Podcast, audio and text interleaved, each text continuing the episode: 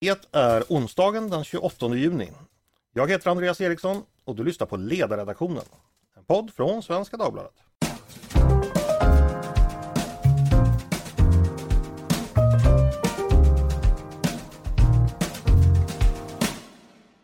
Varmt välkomna ska ni vara.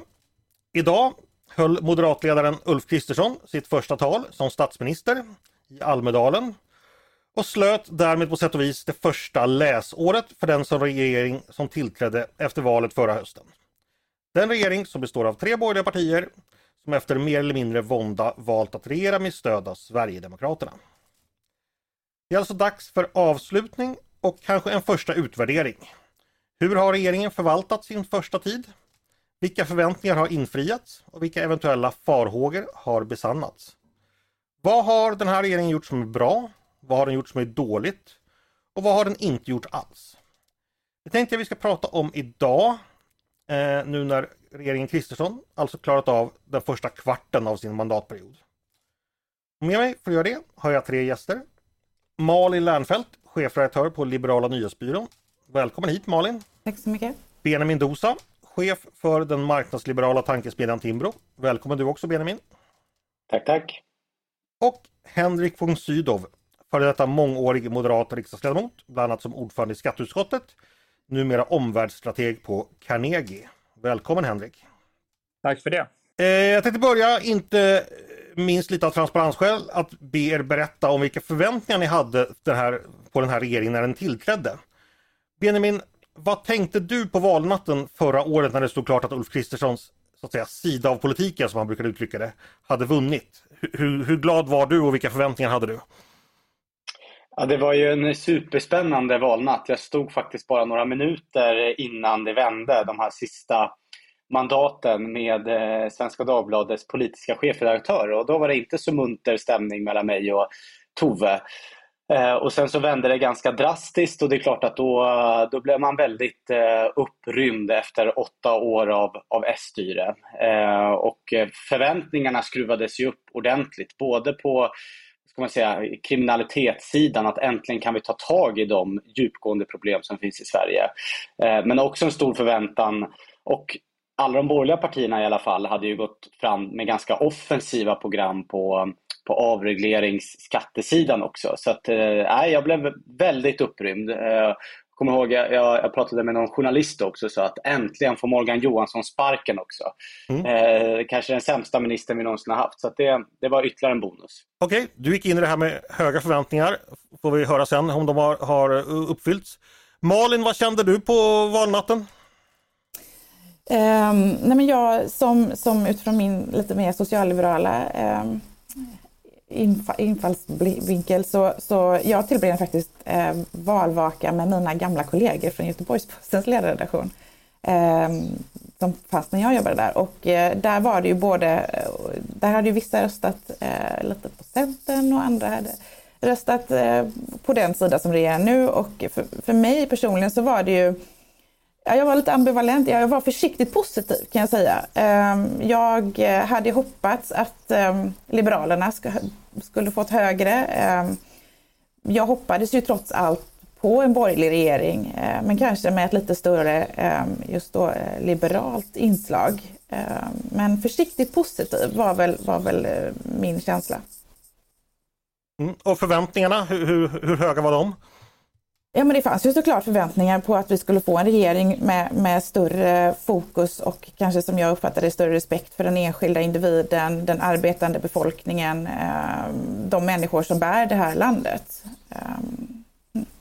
Okej, okay. eh, ja, samma fråga till dig Henrik. Eh, vilka förväntningar hade du på, på den här regeringen när det stod klart att den skulle tillträda?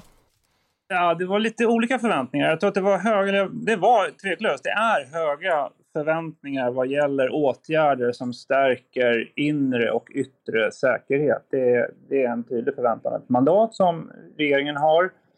Eh, det är samtidigt lite lägre förväntningar vad avser så säga, stora ekonomiska strukturreformer. Det mandatet var inte lika tydligt. Det var inte en valrörelse med samma efterfrågan på det. Så det är tudelat. Höga förväntningar på åtgärder för inre yttre säkerhet, lägre förväntningar vad gäller ekonomiska strukturreformer och konkurrenskraftsreformer. Dessutom en viss osäkerhet. Det var ju tydligt så att det här var en, å ena sidan då en majoritetskonstellation, å andra sidan en konstellation som aldrig tidigare har samarbetat, aldrig tidigare har förhandlat tillsammans. Och det eh, skapar en viss osäkerhet. Vad blir output? Vad blir resultatet? Vad är dynamiken i förhandlingarna? Så att det var väl de tre delarna som man hade med sig. Mm. Eller som jag hade med mig. Ja, men då tycker jag vi går direkt på kärnfrågan då.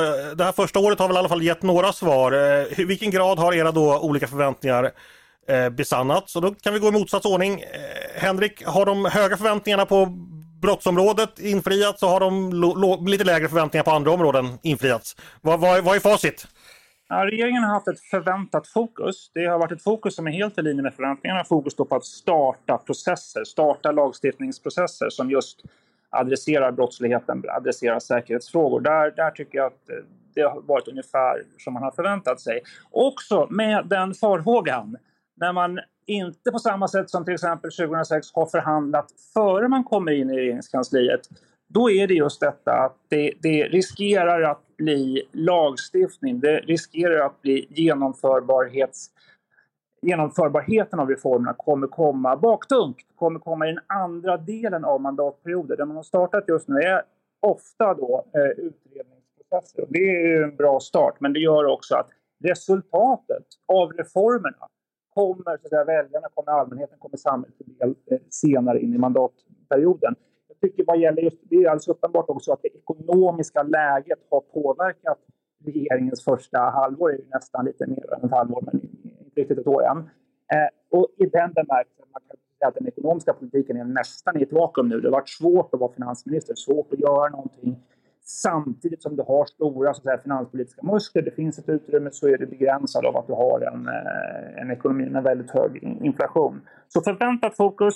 Farhågan är att det kommer ta tid och ekonomisk politik just nu lite grann i ett vakuum. Okej, okay, gå vidare till Malin. Dina försiktiga förväntningar, i vilken grad har de eh, besannats under det här året?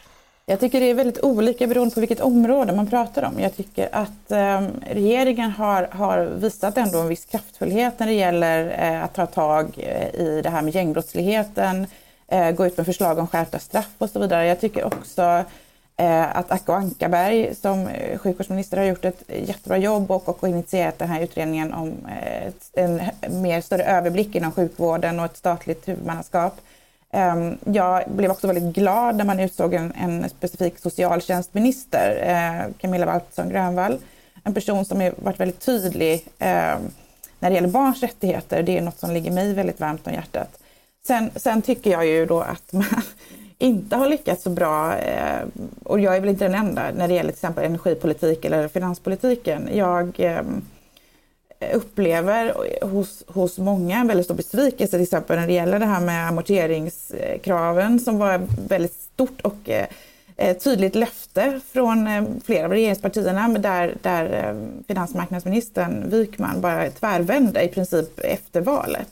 Trots att förutsättningarna var kända redan vid valet, att vi var på väg in i en lågkonjunktur och eh, att vi hade en stigande inflation. Men att det ändå är en fråga som är viktig och att människor eh, blir väldigt hårt ansatta av den. Även energipolitiken med de här elstöden och den eh, problemen runt, runt energifrågan. Där tycker jag att regeringen har varit väldigt saktfärdiga och jag hade förväntat mig mer av en borgerlig regering. Och Benjamin då, du, du gick in i det här med, med höga förväntningar. Har de infriats? Eh, nej men precis som, som eh, både Malin och Henrik var inne på. Det är klart på, vad ska man kalla det, inre yttre säkerhetsområdet så är det väldigt högt tempo. Jag menar hur många utredningar har inte Gunnar Strömmer tillsatt bara under de här eh, månaderna. Eh, migrationspakten också. Så det var ju tyngdpunkten i både tidavtalet och i, i vallöftena och där håller man väldigt högt tempo. Ehm, och ytterligare en sak som ändå kanske eh, regeringen presterat över förväntan är ju samarbetsformen också. Eh, det var ju väldigt många, framförallt på vänstersidan, som sa att det här, de här fyra partierna kommer aldrig få ihop det.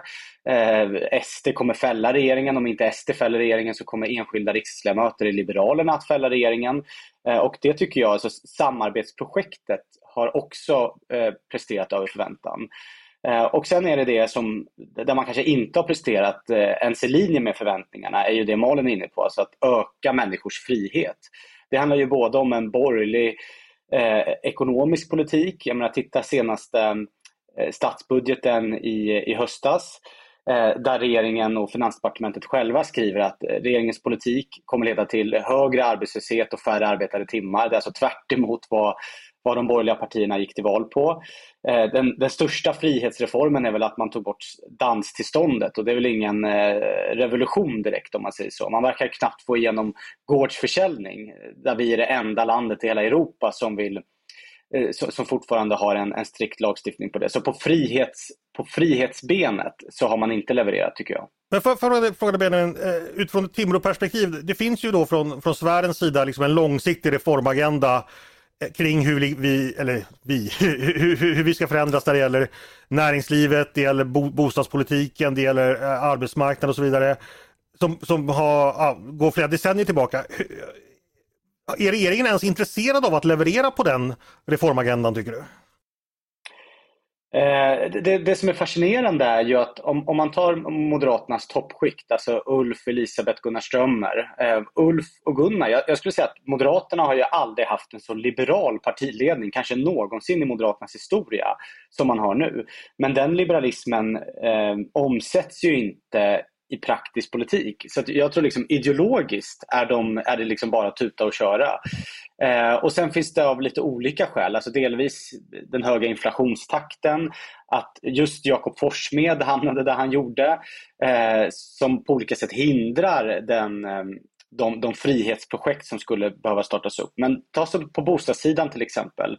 Eh, där händer ju väldigt, väldigt lite just nu också. Arbetsmarknadspolitiken, har Johan Persson släppt någonting stort överhuvudtaget de här månaderna? Jag har inte sett något i alla fall. Han har varit på studiebesök har jag sett. Han har burit sopor och han har... Ja. Till, till det mest spännande på den fråga du ställer, var finns så säga, liksom mer ekonomiska strukturreformer, får man ju peka på den produktivitetskommission som regeringen har tillsatt och som ska börja arbeta. Det tycker jag är det mest spännande så att säga, ekonomisk-politiska eh Eh, processen i svensk politik just nu med bäring då, som jag tolkar uppdraget, till just strukturreformer. Också det där ligger ju längre fram i tid. Men det tycker jag är intressant för det pekar ändå på att det finns en plan. Du har en process för att få eh, inte bara så säga, krispolitik, inte bara konjunkturpolitik utan också strukturpolitik eh, på plats. Men det ligger eh, framåt i tid också det. Men det finns ändå en plan för det som är spännande eh, att följa vad som kommer ut av det. Mm, någonting händer på den fronten. Eh, jag tänkte gå till Malin och ställa en fråga för att du jobbar inom den liberala pressen och där var ju Liberalernas vägval eh, och med SD-samarbetet varit jättekontroversiellt internt. Hur har regeringens första år påverkat de olika sidorna där? Blev det så bra som den ena sidan hoppades? Eller blev det så illa som den andra varnade för? Eller blev det både och? Jag tror eh, kanske varken eller. Ehm, jag tror att, att på något sätt har den konflikten dämpats lite även om den såklart finns kvar. Men, men eh, det har ju både blivit eh, så bra och eh, inte så, inte så eh, dåligt som man trodde men kanske inte heller så bra som vissa hoppades. Um, mitt problem är ju lite som jag tycker, men jag, jag, det känns nästan som en, som jag hoppas att det är en, yt, en, ytlig um, följd. Och det är den typen, bland annat när Göran Persson, eller Johan Persson såklart, gud jag, jag är mycket Göran Persson. Men, eh, nej, men när Johan Persson gick ut och, och skulle visa sig lite tuff här och pratade om att eh, det ska inte vara fett att leva på bidrag och sådär. Och för mig då eh, som, eh, som liberal så tycker jag att, att, man uttrycker sig inte riktigt så. För att verkligheten ser inte sån ut. Det är inte speciellt tufft att leva på bidrag. Eh, det finns en, en eh, fattigdom, eh, visserligen rätt mycket relativ, men det finns en ganska stor fattigdom i Sverige idag och många människor kämpar, alltså vanliga medelklassmänniskor som, som också haft det relativt bra, kämpar hårt. Och när, när eh, statsrådet går ut och uttrycker sig så, framförallt ett, liberal, ett liberalt statsråd, så eh, eh, på ett sätt som snarast låter sverigedemokratiskt, eh, som på något sätt köper deras narrativ, så, så är det ganska obehagligt. Eh, sen hoppas, jag, hoppas och tror jag inte att det får effekt kanske i realpolitik, men, men eh, jag tycker att det är viktigt att man inte eh, faller in i den typ av retorik. Och vilket jag upplever att, att även moderata statsråd har gjort ibland. Ehm. Mm. Lite varningssignal där. Eh, vi ska fortsätta prata SD. Eh, Henrik, du tog ju tidigare upp det här att det här var en konstellation som inte hade prövats. Man visste inte hur, hur förhandlingarna skulle gå. Kan du recensera det? Vad, vad, de former som Tidöavtalet blev till och hur det senare har förvaltats just samarbetsmässigt. Vad, vad tänker du om det? Nej, men mitt intryck eh, är att eh, samarbetsformerna eh, sätter sig. Eh, att de har börjat sätta sig och att man, de har gjort det också under en period som varit rätt besvärlig. Alltså det var ett sent tillträde för regeringen. Det var bara ett och ett halvt månad fram till halvårs, årsskiftet när regeringen tog över ordförandeskapet. Jag tror faktiskt att underskattar hur mycket tid det där har bundit. Det har påverkat starten, dragit ner tempot i en del processer tror jag, inrikespolitiskt. När man får lägga så mycket fokus på ordförandeskapet. Eh, eh, det, det, som ska sägas här då, just att det är mycket lättare att just då tillsätta, starta processer, tillsätta utredningar än att faktiskt då ta emot utredningar och på riktigt förhandla skarp lagstiftning. Jag tycker att beslutskapaciteten i regeringskonstellationen har inte riktigt prövats på allvar ännu.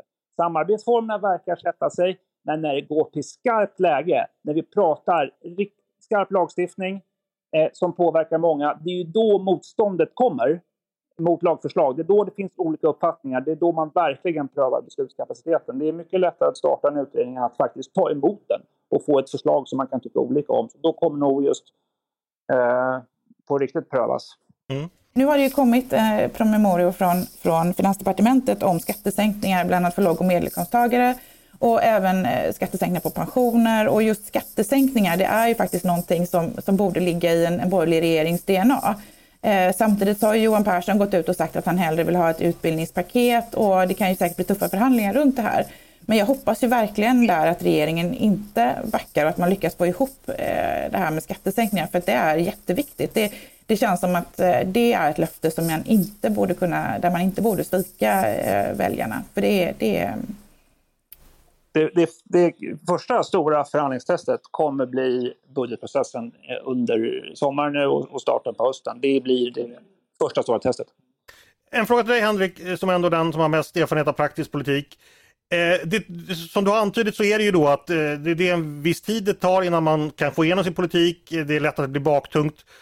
Har vi för höga förväntningar på vad en ny regering kan åstadkomma så här tidigt? Eller vad är det man behöver förstå rent praktiskt för att förstå regeringens eh, möjlighet att helt enkelt driva politik? Nej, men det, det som man söker nu, det är, det är flera delar i eh, säga, reformprocessen eh, och eh, beslutsprocessen framåt. Dels att få fram förslag som är juridiskt förberedda, det är ju bara det första, juridiskt förberedda förslag. Därefter återstår ju så att säga att det ska vara förhandlade, politiskt förhandlade förslag. Eh, den tredje delen är att de ska vara så att säga, möjliga att eh, ekonomiskt finansiera. Eh, de ska också gå att förstås då att eh, eh, förankra mot riksdagen. Det ska vara förenligt med, med EU-lagstiftning. Så det kommer finnas mycket att bråka om. Det där var fem kriterier eh, som, som, man, som lagförslag då ska passera. Eh, så det, eh, det, det, där och det, just det kommer finnas mycket att bråka om. Ehm, det gör det. Eh, samtidigt så har ju så att säga, samarbetsformerna satt sig. Jag tycker oppositionen hjälper till. De attacker från det största oppositionspartiet mot, mot Sverigedemokraterna tror jag för samman så att säga, den här regeringskonstellationen. Det är en bra, det, det, det tror jag är positivt för förhandlingsdynamiken mellan eh, i regeringskonstellationen, det vi har mm. sett från, från Socialdemokraterna under våren. Henrik, du ska ju snart iväg i taxi till Almedalen. Därför tänkte jag passa på att bara be dig eh, välja den minister som du tycker på dig har gjort störst eller starkast intryck hittills. Vem, vem väljer du då? Ja, det, jag tycker det är en svår fråga. Det ska man ju, jag spanar ju faktiskt ministrar som åstadkommer resultat och som har just beslutskapacitet.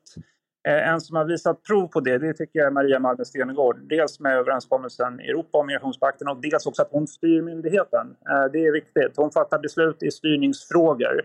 Så där är det ett statsråd som jag tycker har överraskat positivt just för att faktiskt inte bara så att säga, kommunicera utan regera och fatta beslut och styra myndigheter och åstadkomma resultat. Mm. Ja, Benjamin, samma fråga till dig. Finns det någon minister som du tycker har, har utmärkt sig eller eh, ja, kanske levererat över förväntan eller har växt i sin roll under, under den här tiden? Nej, men delvis håller jag med Henrik om Maria Malmer. Ytterligare en sån är Johan Forsell. Eh, han fick ju både handels och biståndsfrågorna och han verkar verkligen strama upp Sidas arbete med mer fokus på effektivitet, eh, liksom slipar av delar av utvecklingsbiståndet som man, som man vet i forskning är ineffektivt, styra om det till Ukraina-stöd. Men jag skulle säga att det finns bara en Zlatan i regeringen och det är verkligen Gunnar Strömmer. En så handlingskraftig och bra justitieminister, det vet jag inte om om, om, en svensk regering någonsin har haft. Eh, och visst, mycket har varit att tillsätta utredningar för det är ganska omfattande lagstiftningsförslag. Eh, så skarp lagstiftning kommer ju först om kanske ett, två år. Eh, men det är väldigt, väldigt högt tempo just nu från justitiedepartementet. Mm. Tio guldbollar till Gunnar Strömmer. Malin, vad säger du? Hur har ministrarna levererat? Är det någon som du vill nämna där? Någon bland de liberala nej, ministrarna kanske? Nej, men jag, ja, jo, nej, men jag, jag, jag instämmer ju i, i Benjamins eh, hyllningar av Strömmer här. Jag tycker han har eh, varit väldigt, väldigt mycket ute och gjort, gjort mycket men eh, jag vill ju gärna lyfta fram Camilla Waltersson Grönvall. Jag tycker att hon, eh, hon är tydlig och hon har kommit med många bra förslag och lagt fram utredningar som faktiskt syftar till att skydda de allra mest utsatta människorna i vårt samhälle. Alltså kvinnor som Eh, utsatta för misshandel, barn inom LVU-ärenden och sådana saker. Jag tycker att hon gör ett utmärkt jobb. Jag vill gärna också lyfta fram eh, skolminister Lotta Edholm och det hennes eh, stopp av eh, digitaliseringsstrategin inom skolan, vilket har varit eh, en fars under lång tid. Och att hon där satte ner foten och krävde mer vetenskaplighet eh, var fantastiskt bra och någonting som har efterfrågats under lång tid av eh, både lärare och eh, ja, många opinionsbildare och sådär. Så att, eh, Lotta Edholm och, och eh, Camilla Waltersson vill jag gärna ytterligare, förutom de som redan har nämnts. Selling a little or a lot? Shopify helps you do your thing however you cha-ching. Shopify is the global commerce platform that helps you sell at every stage of your business. From the launch your online shop stage to the first real life store stage, all the way to the did we just hit a million orders stage. Shopify is there to help you grow. Shopify helps you turn browsers into buyers with the internet's best converting checkout. 36% better on average compared to other leading commerce platforms because businesses that grow grow with Shopify. Get a one dollar per month trial period at shopify.com/work. shopify.com/work. En fråga Malin, vi ska återgå gå till att pr prata om SD som man så gärna gör. En vanlig farhåga inför det här samarbetet eh, var ju att de borgerliga partierna skulle närma sig SD. Har man gjort det under det, de här året som har gått? Har Liberalerna gjort det? Jag tycker att det är svårt att säga eh, rent eh, liksom realpolitiskt, men ja, jag tycker Framförallt skulle jag säga att jag tycker att regeringen har varit lite dåliga på att hålla emot. Nu, är, nu ska man ju samarbeta med SD och det är ju det som den här regeringen bygger på. Men jag tycker att SD har fått ta oproportionerligt mycket plats. Eh, precis som jag ansåg under förra regeringen att MP utifrån sin storlek fick ta oproportionerligt mycket plats och deras idéer fick eh, oproportionerligt stort genomslag. Ehm, jag tycker att regeringen kunde vara lite tuffare ehm, när det kommer till SD och, ehm, och peka. Ja, det, det, är min åsikt. Ja, det har ju varit väldigt mycket förslag och bra förslag när det gäller skärpta straff och eh, i arbetet till exempel mot gängbrottsligheten. Men jag tycker att man ytterligare borde lyfta Eh, behoven av eh, sociala insatser. Och nu har det ju kommit här på sistone lite mer. Men, men där eh, är väl SD inte lika långt framme och jag tycker att det är viktigt att även lyfta de mer liksom liberala idéerna runt hur man eh, får ett bättre samhälle. Benjamin, vad säger du? Har Moderaterna och övriga partier närmat sig SD under det här året? Nej, men I den här frågan vet jag faktiskt inte om jag håller med Malin riktigt. Alltså SD är ju underlagets största parti. Eh, och tittar man på till exempel Tidöavtalet och alla förslag som har presenterats så skulle jag säga att det är relativt få förslag som, som bara SD driver. Tittar man på justitieområdet till exempel, nästan allt är ju sånt som typ M, KD, delvis L också har drivit. Ehm, det är väl egentligen, när jag tänker liksom, vad har SD fått igenom som de tre borgerliga partierna inte tycker, det är väl egentligen bara a-kassan egentligen. Eh, kanske någon enstaka reform på justitieområdet men, men i övrigt är man ju rätt samspelt och min bild när det kommer till till exempel den ekonomiska politiken att det inte är SD som egentligen blockerar skattesänkningar. Eh, jag intervjuade Oskar Sjöstedt för några månader sedan och han var ju liksom, nej men det är klart vi ska sänka skatten. Ehm, så att det, um, jag, nej, jag, jag, tycker nog inte att SD har liksom blockerat utan tvärtom tagit ganska stort ansvar. Sen är det ju en väldigt stor skillnad i, i tonalitet. Alltså ta allt ifrån partilotterier till eh, migrationsförslag eh, där, eh, där de borgerliga partierna liksom har en annan ton när man presenterar förslagen. Men i sak så står man nog rätt nära varandra. Mm. Malin, vill du svara på det? Ja, nej, men det, alltså, I grunden handlar det här om att det har skett under senare år ett närmande liksom från båda hållen. SD har väl blivit lite mer, vad man ska kalla det, rumsrent, men även att eh, de borgerliga partierna har i sina förslag eh, närmat sig sin politik till de förslagen som eh, huvudsakligen låg hos SD från början. Um, så att det är väl en, en ömsesidighet där, men, men jag är ju mer inne på att Ja, jag, hade sett, jag hade gärna sett eh, mer större inslag av, av, liberal politik och även om, om SD är det största partiet i underlaget så är ju fortfarande SD inte en del av regeringen och eh, tillsammans så är ju M och KD och L större än SD. Så att, eh, jag tycker de borde vara... Mm. Kan du ge några exempel på den där liberala politiken du saknar? Några praktiska?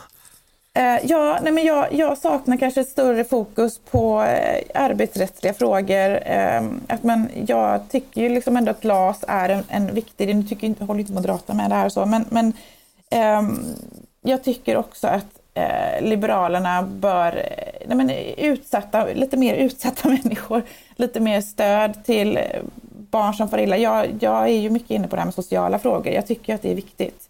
Och jag tycker att det har hamnat kanske lite i bakvattnet. Eh, vi ska titta framåt lite. Det återstår ju tre år av mandatperioden. Benjamin, vad skulle du säga är de viktigaste områdena som regeringen behöver leverera på? Vad, vad, vad, vad, vad är det viktigaste som behöver göras de här närmaste tre åren? Ja, men det, det, är klart att det är att hantera de eh, väldigt stora samhällsproblem som finns i Sverige. Alltså den grova brottsligheten. Eh, jag menar, bara de senaste månaderna har varit tydliga exempel på bombattacker, massskjutningar öppet på torg, vanliga människor som som påverkas av det här. Det är klart att det är ändå liksom 70% av förväntan på den här regeringen att man faktiskt kommer fram med skarp lagstiftning, får fram fler poliser, stärker upp åklagarmyndighet, Sveriges domstolar och så vidare. Så det, det, är liksom, det, det måste de, det är hygienplattan Eh, inför valet 26. Eh, men om man tänker sig konflikten mellan S och M eh, eller liksom mellan höger och vänster. I den bästa av världar står ju liksom båda sidor för ska man säga, ansvar, ordning och reda. Och det som då skiljer blocken åt brukar ju vara frihet kontra jämlikhet. Och just nu står man ju ganska svagt på frihetsbenet. Alltså att öka människors frihet, öka företags, organisationers frihet. Och om det blir en valrörelse 26 där S och vänstersidan säger nej men vi, kommer, vi står bakom alla straffskärpningar, vi vill också ha en stram migrationspolitik. Vad finns då kvar eh, i, i det borgerliga eller i, i högerprojektet? Eh, ifall liksom S triangulerar högersidan i alla de här frågorna. Så då behöver man liksom ha någonting nytt, något eget. Och det brukar ju vara frihetssidan. Att absolut, du får fler poliser men du får också ökad frihet för ditt företag. Ökad frihet för dig att eh, att kunna ha någonstans att bo till exempel. Så jag hade gärna sett fler strukturreformer på bostadsmarknaden, arbetsmarknaden. Titta på finska tidavtalet eller deras motsvarighet. Den är mycket mer offensiv i den ekonomiska politiken till exempel. Så det, det förväntar jag mig verkligen och det måste man leverera innan nästa val för att, eh, för att väljarna ska vilja rösta på den här sidan igen. Mm. Malin, vad säger du på samma fråga? Vad är det viktigaste att åstadkomma de närmaste tre åren? Eh, nej men jag är väl återigen tillbaka till det här, förutom den här frågan med brott och straff som är otroligt viktig och som ändå är grunden eh, för att ett fungerande samhälle. Så, så hoppas jag ju verkligen att KD lyckas återta ägarskapet över sjukvården och Liberalerna lyckas återta ägarskapet över skolan. Det är otroligt viktiga frågor, det är bland de viktigaste frågorna för väljarna. Och, och, där måste borgerliga politiker steppa upp och visa att de faktiskt kan göra skillnad och skapa eh, bättre förutsättningar för, för den offentliga sektorn och även för den privata sektorn inom de här områdena. Jag, även energipolitiken är totalt avgörande och även infrastruktur. Ja, det är sådana frågor som berör människor djupt ner i deras vardag. Um, och det, en borgerlig regering måste kunna ge människor de bästa möjliga förutsättningarna för att skapa frihet och uh, utrymme i sin vardag. Mm. Och det, där hoppas jag att de uh, levererar. Sista frågan. Kommer den här regeringen bli omvald? Ja eller nej? Och i så fall varför eller varför inte? Malin, du får börja. Jag tycker det hänger helt på det som jag sa. Om de, om de lyckas eh, fullfölja sina löften, om de lyckas skapa någon sorts energiöverenskommelse som faktiskt kan, kan eh, se öppna ljus, ljusning framöver, om de, om de lyckas eh, ge väljarna vad de efterfrågar, så absolut. Eh, I dagsläget ser det ju inte så ljust ut, men, men det handlar ju framförallt om att, eh, att de ska visa att de faktiskt är bättre än primärt Socialdemokraterna då på de frågor som, som berör människor i deras vardag. Benjamin, blir regeringen omvald? Ja eller nej? Jag håller med Malin helt och hållet här. Alltså det, om, om S också tycker som högersidan i alla justitiefrågor och högersidan inte har någonting mer att erbjuda, ja men då kan man lika gärna rösta på S. Och det är ju det väljarna verkar eh, tycka just nu. Så att det behövs liksom mer. Det behövs en borgerlig ekonomisk politik. Det behövs arbetslinjen behöver liksom eh, en, en nytändning. Eh, så här, om, om det är hundratusentals människor i utsatta områden som, som lever på bidrag och inte kommer i arbete så kommer en stor del av deras barn hamna i kriminalitet oavsett hur höga straff vi har. Så att liksom, mer på det området och jag tror att den här regeringen har goda möjligheter att kunna bli omvald. Men just nu har vi sett lite för lite av det. Mm. Tur att det då återstår tre år av mandatperioden. Men då har regeringen då, som jag hoppas lyssnar på podden idag, i alla fall fått lite tips på vad man kan göra och använda de här tre åren till. Stort tack eh, Benjamin Dosa för det och Malin Lernfelt och Henrik von Sydow som har försvunnit iväg i taxi. Stort tack för att ni gästade podden idag. Tack så mycket. Tack. Tack också till er som har lyssnat på dagens avsnitt av Ledarredaktionen. En podd från Svenska Dagbladet.